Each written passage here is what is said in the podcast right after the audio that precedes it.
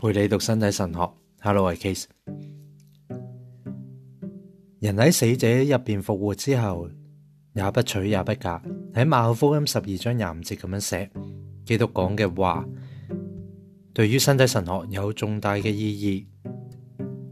喺同杀刀该人嘅对谈入边，佢先肯定咗复活同埋活着嘅上帝嘅能力系一致嘅，然后就讲咗呢一句说话啦。三部嘅对观福音都记述咗同一句嘅说话，只有路加福音嘅版本喺细节上边有别于马太同埋马可福音嘅版本。重点在于三部福音都系记载咗一个言论嘅，就系人喺未来复活之后会重获肉身，达至符合上帝嘅肖像同埋模样嘅完美状况，亦即系重获佢哋嘅男性同女性特质，而且也不娶也不嫁。卢加福二十章就咁样去表达咗上述嘅谂法嘅。佢话今世之子也娶也噶，但系嗰个来世嘅呢，同埋嗰个由死者中复活嘅人呢，佢哋也不娶也不嫁。呢句话清楚表明，婚姻就好似创世纪所提到嘅男女嘅结合。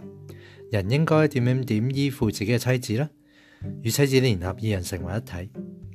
嗰个系人自起初就应该有嘅结合。而呢一种结合系专属于今世嘅，婚姻同埋生育并唔属于人末世嘅未来。喺复活之后，婚姻同埋生育犹如失去咗存在嘅理由啊！卢加科所提到嘅来世，意指人类最后嘅满全，亦即系呢啲按住上帝嘅形象受造嘅全友喺数目上面呢唔再增加。佢哋受造系为咗藉着男女之间嘅夫妻结合。喺身体上面结合为一，身肉繁殖，从而咧治理大地。呢个来世唔系世俗嘅世界，而系上帝嘅世界。就好似哥林多前书所讲，上帝将会完全充满世界，成为万物中嘅万有。咁就系哥林多前书嘅十五章廿八节啦。与此同时，根据启示，来世就系上帝嘅国。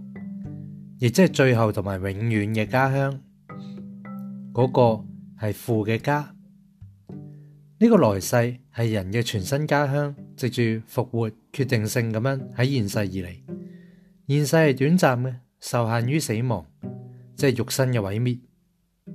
亦即系创世纪三章讲，你咧要归于尘土。根据对官福音所记载，基督嘅说话复活。唔单止系指回复肉身性，并藉住肉身嘅同埋灵魂嘅结合，重新整全嘅人性生命，亦即系人性生命本身进入咗全新嘅状态。因住基督嘅复活，我哋得以肯定呢个肉身嘅全新状态。我认为喺基督复活之后，对官福音技术嘅话，对于曾经听过呢啲说话嘅人嚟讲。必然系充满新嘅论证能力，而且啊，必然成为令人说服嘅许诺，即系应许啊。然而呢个时候，我哋只思考呢句话喺逾越节阶段之前嘅意义，并以基督说话时嘅处境作为依归。毫无疑问，基督喺佢俾撒都该人嘅回答入边，指出咗人嘅身体喺复活之后嘅全身状况。而佢嘅解说方法，正系引述人自起初已经享有嘅状况，并与之比较，也不取也不嫁一节，似乎既肯定咗人将会喺复活之后恢复同埋更新佢嘅肉身，保持佢特有嘅男性同埋女性特质，同时亦都肯定咗喺来世入边相比自起初以嚟嘅，同埋整个在世生命嘅。人作為男性同埋女性嘅身體實現實嘅意義咧，將具有唔同嘅本質同埋帶嚟唔同嘅理解。喺創世纪二章提到，人應該離開自己父母與妻子聯合二人成為一體。創世纪嘅呢句話自起初已包含咗男性同埋女性特質嘅狀況同關係，並且延伸到佢身體啊。佢嘅正確嘅定義係婚姻嘅，同時係生育嘅。系繁衍嘅，事实上呢个系关乎上帝，即系二路谦啊，二路谦喺一章嗰度讲创造男人同女人时宣告嘅生育繁殖嘅祝福。基督有关复活嘅言论，使我哋得以去推断讲喺来世肉身复活嘅时候，男性同埋女性特质，即系作为男性或者女性嘅身体现实啦，将会获得另一种嘅本质。系咪可能更详细去讨论呢个主题呢？毫无疑问，对《官福音》所记载基督嘅言论，俾我哋得意咁样去做。事实上，我哋从中读到嗰个来世嘅，同埋由死者入边复活嘅，佢哋也不娶也不嫁，甚至佢哋不能再死，因为佢哋相似天使，佢哋既系复活之子，亦都系咧上帝之子。喺马太同埋马可福咧，就记载咗好似喺天上嘅天使一样。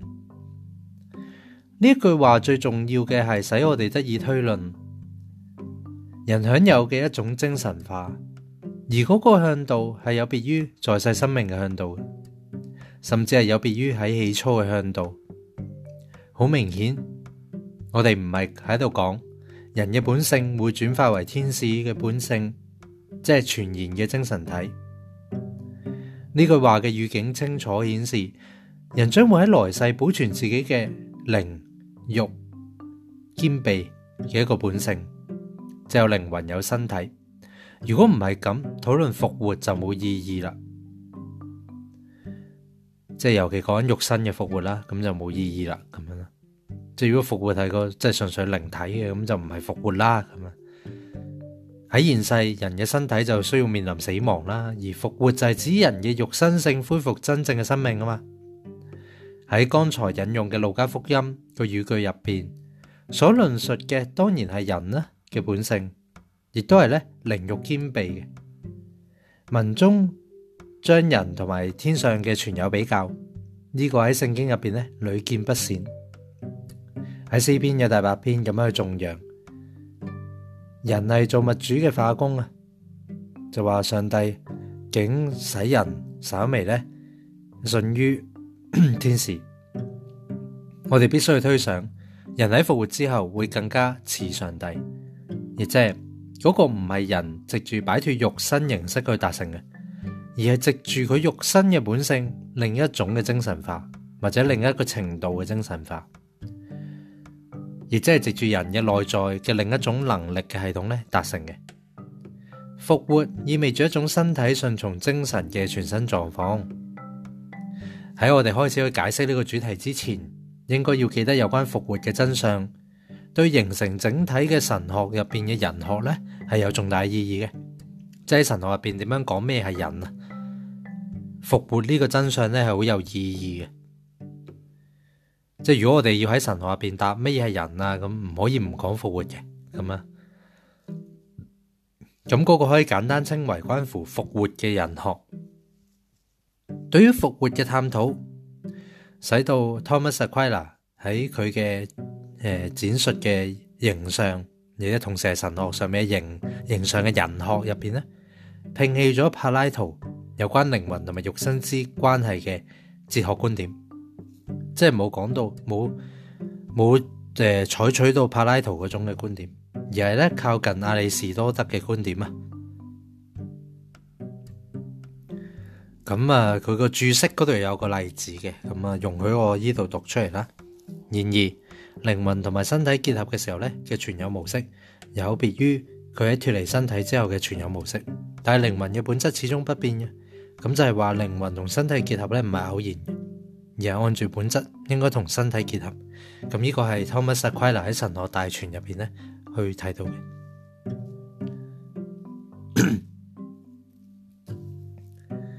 咁啊，誒另外咧，誒作者亦都加入咗個補充嘅，就話如果呢個啊，即係關於靈魂同肉身嘅關係啊，可以通過可以感覺嘅幻象嚟認知，唔係出於靈魂嘅本質，而好似柏拉圖。